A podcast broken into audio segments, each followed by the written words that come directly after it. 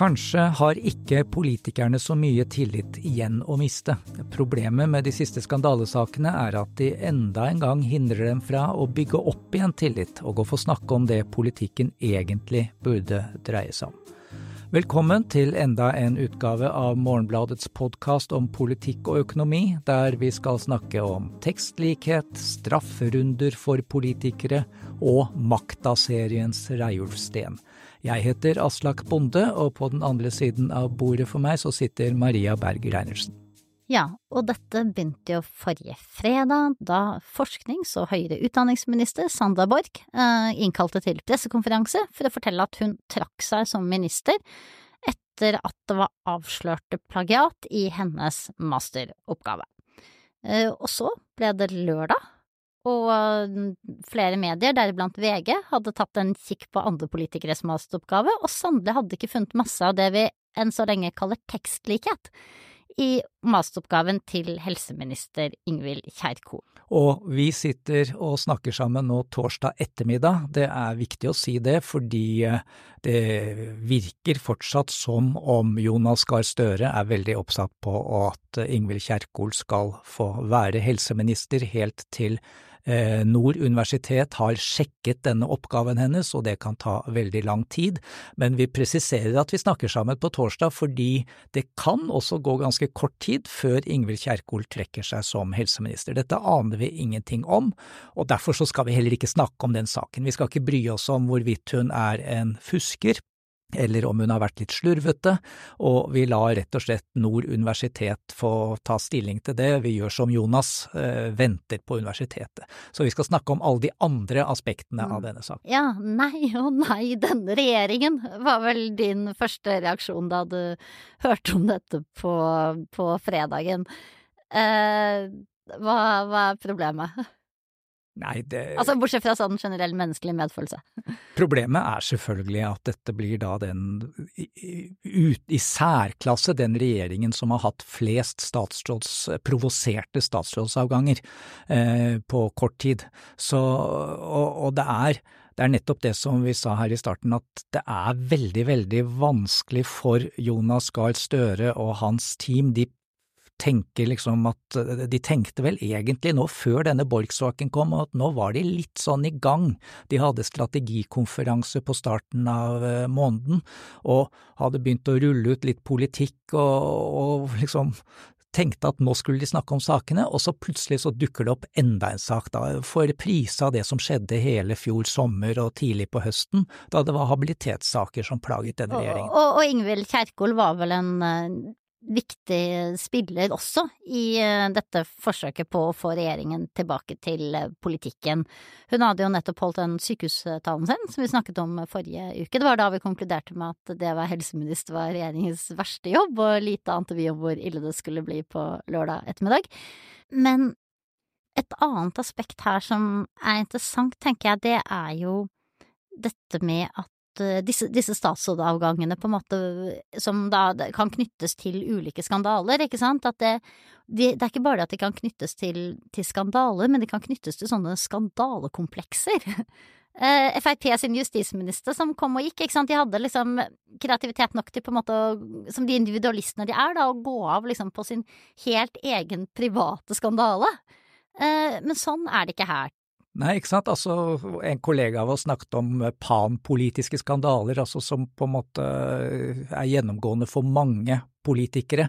Eh, og vi hadde jo det med aksjekjøp til ektefeller som var et tema her i sommer, og nå er det mastergrader, og det som jo er interessant, det er jo at eh, alle på Stortinget som har tatt mastergrad skjelver jo nå litt i buksene, fordi alle journalistene bruker da dette eh, AI-verktøyet Copyleaks som er assistert av kunstig intelligens, og kjører masteroppgavene gjennom der.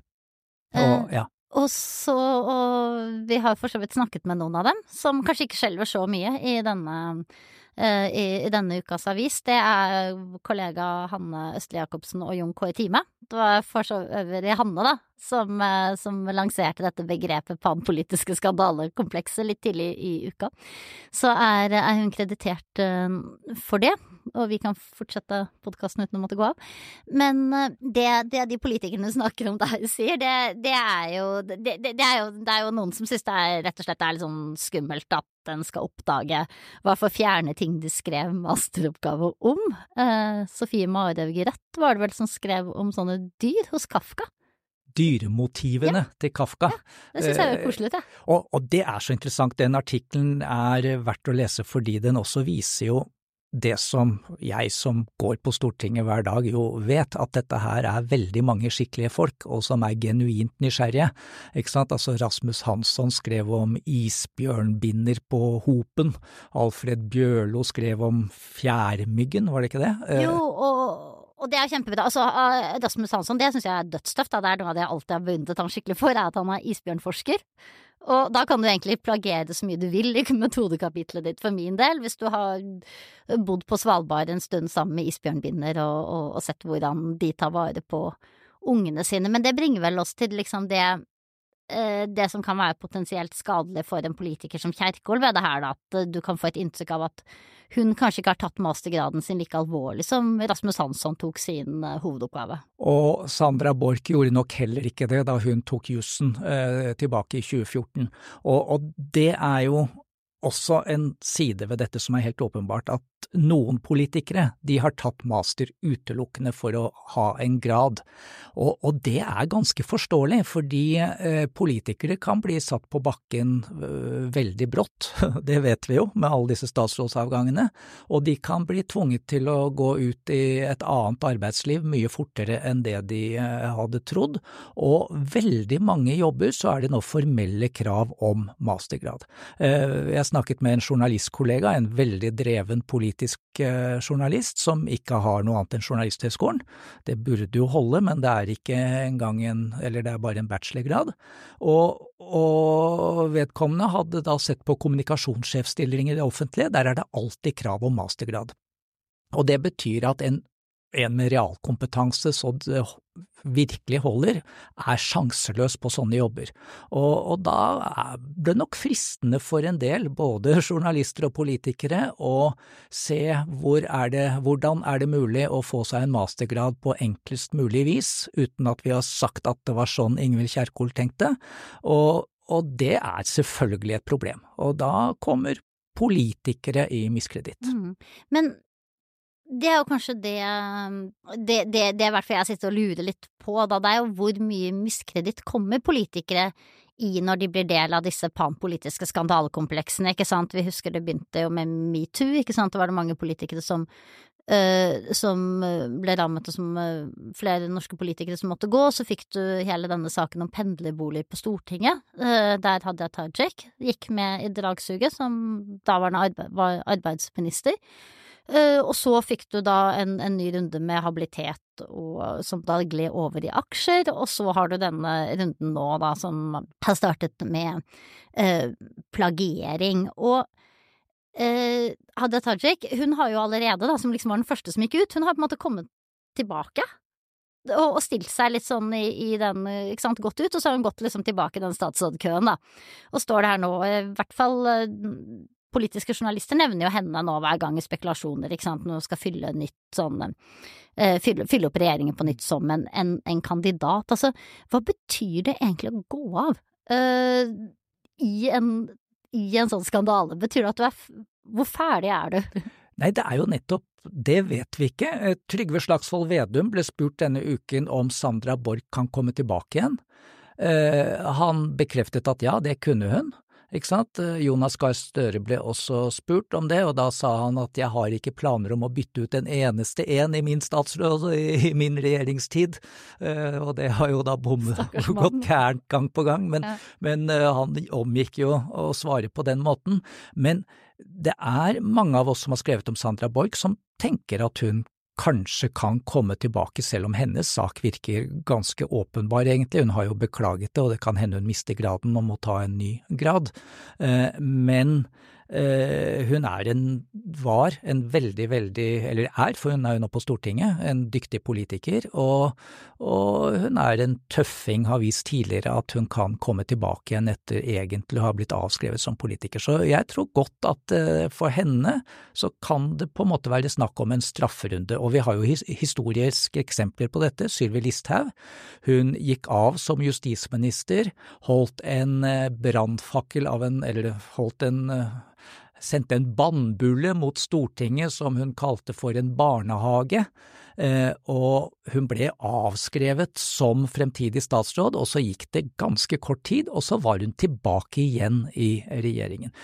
Men det jeg lurer på litt av, det er hva disse avgangene egentlig betyr, ikke sant, fordi uh, for Sanda, og det tenker jeg er litt relevant for når man skal vurdere liksom Kjerkol sine sjanser fremover, også for Eh, for Sandra Borch, hun gikk jo av på en sånn klassisk egentlig liv og lære som politiker, ikke sant. Hun satt og var øverste leder for et departement som sendte som skulle uh, saksøke en stakkars student helt til Høyesterett for det som da regnes som selvplagiering. Denne studenten har da brukt liksom gjenbrukt tekst fra en tidligere ikke godkjent masteroppgave personen skrev selv, i en ny masteroppgave, og det er ikke godt nok.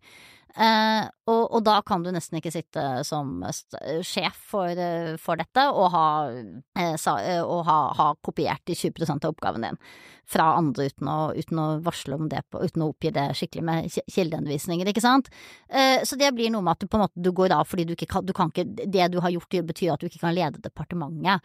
Det var jo kanskje noe av det som lå med Sylvi Listhaug også i hennes da hun måtte gå av, ikke sant, at hun hadde jo posting på, en post på Facebook, da, eh, hvor hun egentlig knyttet eh, Arbeiderpartiet til, liksom, til, terrorister og et slags sånn nasjonalt eh, svik mot nasjonen, da, på en ganske sånn eh, potensielt veldig ufølsom og, og, ubehagelig måte, og da en sånn person kan ikke, kan ikke stå inne som justisminister. Men eh, hva det betyr hvis Kjerkol må gå av, som eh, tross alt da handler med Altså, hun, hun, har jo gjort noe her som ikke er sånn i direkte liksom, relasjon til, til egnetheten i utfordringen av jobben, så det må jo være mer sånn karakterspørsmål, ja, da. Vi kan ikke ha en sånn person som jukser på masteren som, som jukser som helseminister.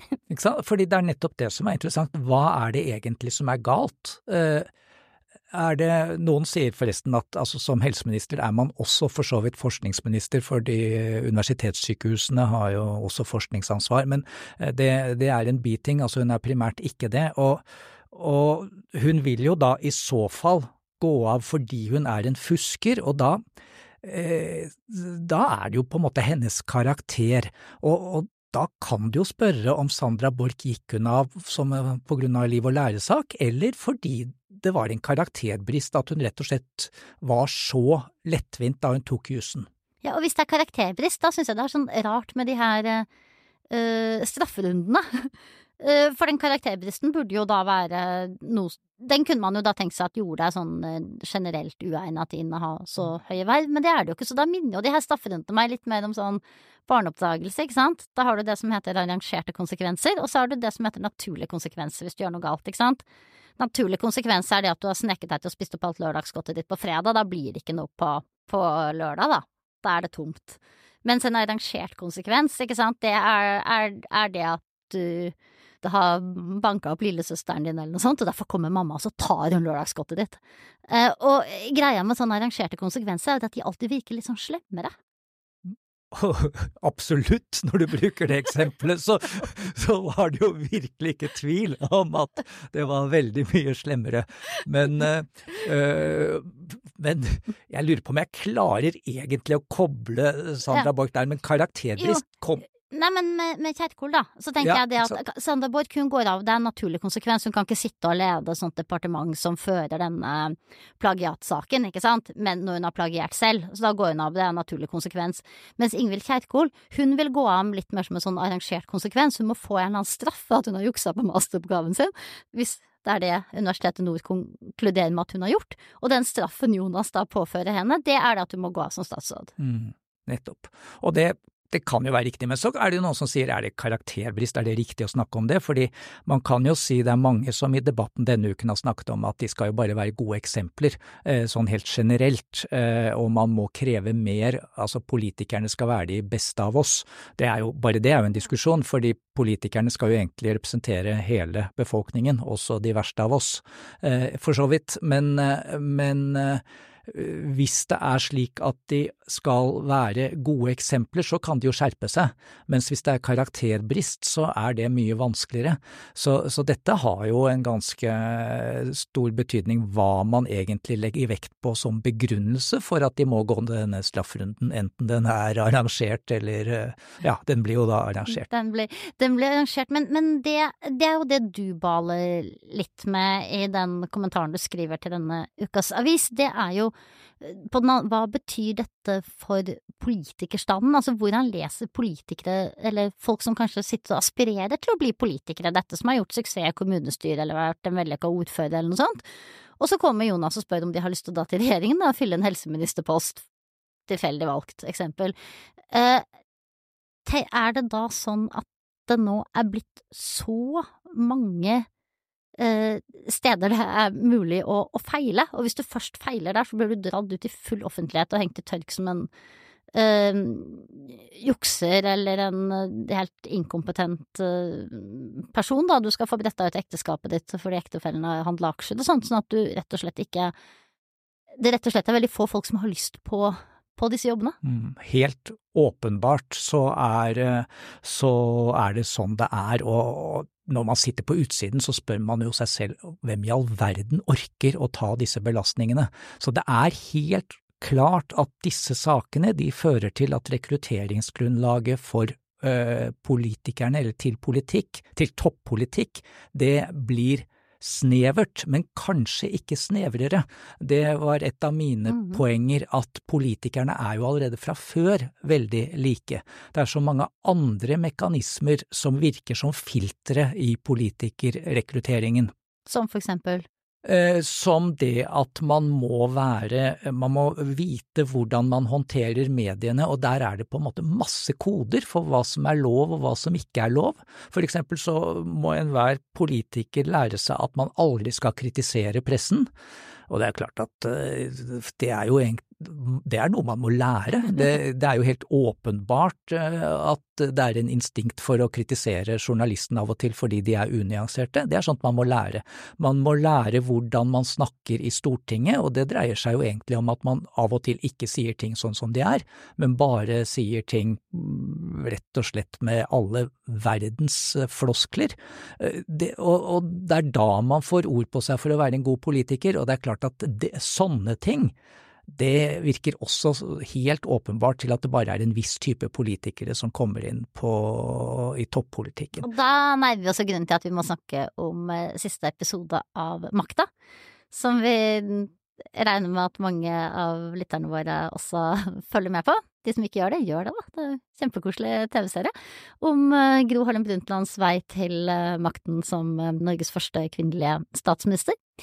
En av de som gikk ut i den maktkampen, det var da Reiulf Steen, uh, som var leder i Arbeiderpartiet, og kanskje hadde hatt lyst til å bli statsminister også, før, da, før, før Gro uh, fikk den, den, posten, og etter hvert også skjøv han ut og overtok ledervervet. Og denne ukas episode så befinner de seg begge to uh, på Utøya, og, og filmen inneholder da en sånn helt fascinerende monolog på et kvarters tid, kanskje, av, eh, av Reiulf Steen, der denne på alle vis da skikkelig skandaliserte politikeren, ikke sant, det hadde vært alkohol, det hadde vært piller, eh, det hadde vært liksom maktkamper av en annen verden, han hadde lekket til pressen og ja, eh, gjort seg ganske umulig, og så plutselig så sitter han i fjæresteinene omgitt av AUF-ere og, og, snakker om eh, Allendes eh, Chile og, og, og hvorfor det,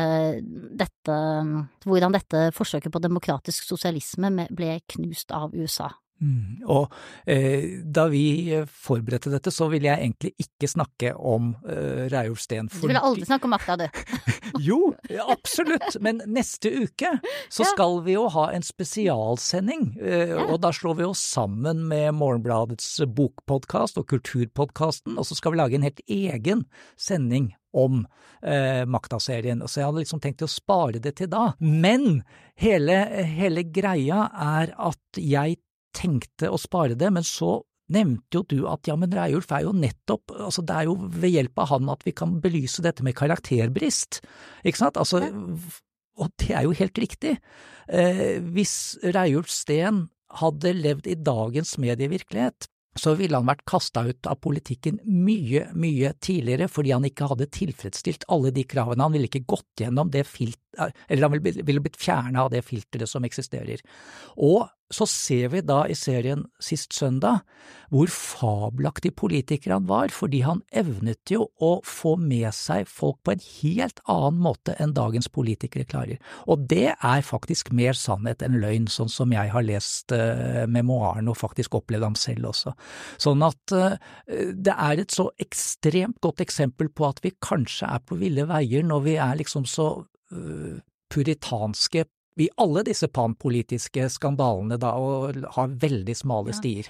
Ja, men samtidig, for jeg ble også uh, Den monologen, den traff meg veldig. Uh, brakte meg tilbake til liksom uh, da jeg egentlig ble engasjert og interessert i politikk og samfunn, og det handlet mye om hvordan Verdensbanken og pengefondet, liksom styrt av USA, eh, påtvang fattige land en lang rekke sånne betingelser som rett og slett gjorde det veldig vanskelig for dem å velge en, en god vei for, for, utvikling. Så jeg satt og, og nikka og fulgte med på det der, og syntes at det var flott med, med Reiulf Steen, men så begynner jeg å tenke litt også at nei, men herregud, mann, hvis det hvis det er alt dette, du mener at alt dette sto på spill, ikke sant? At, for det er jo egentlig det han sier i den monologen, da, at kanskje, kanskje Norge er et av de landene som burde ha, ha tatt opp det fanen etter Allende og brakt denne troen på at man kan skape et annet og bedre samfunn videre, ikke sant, at uh, sosialismen faktisk kan ha noe annen mening enn sånn uh, triste sovjetblokker. Uh, men hvis det er alt dette du mener sto på spill, hvorfor surra du det sånn til da? Fordi han er et menneske, ikke sant? Altså, fordi han er et fullt og helt menneske. Han fortalte jo etterpå, på slutten av livet, at han hadde depresjoner, han fikk diagnose, bipolar lidelse. Eh, og og på en måte, det er jo nettopp det at det burde være plass for også han i politikken, og det ville ikke vært plass for ham i dagens moderne politikk. Og er det noe med at vi bare må sette punktum der, altså for, og at jeg får siste ordet på akkurat det? Det var liksom på vegne av, Menneskene? Av som, nei, på vegne av de som virkelig er, og er nær politikerne nå, da. Mm. Mm. Ja. Vi, vi, kan, vi, kan, sette siste ord der. Jeg er vel litt usikker på om den store mengden lekkasjer liksom ligger innenfor det sånn menneskelig eh, tillatelig, selv om man kan, man kan, godta mye annet der. Men jeg er helt enig i at det er, eh, det er viktige spørsmål som denne eh, siste runden med skandaler også. Nå, også nå, nå snakket du som en politiker. Ja. Skulle liksom bare komme meg i møte. Eh, vi takker produsent Emma Johnsen Rødli og ansvarlig redaktør Sunn Heidi Sebø. Og så minner vi altså om at neste uke blir det ikke vanlig politikk- og økonomipodkast. Det blir en spesialpodkast i samarbeid med Ane Farsetås fra Morgenbladets bokpodkast og Elise Dypvik fra Morgenbladets kulturpodkast, Aslak og meg. Vi skal snakke oss lenge og grundig gjennom Makta, TV-serien, helt uten å bli distrahert av alle skandalene i dagens politikk.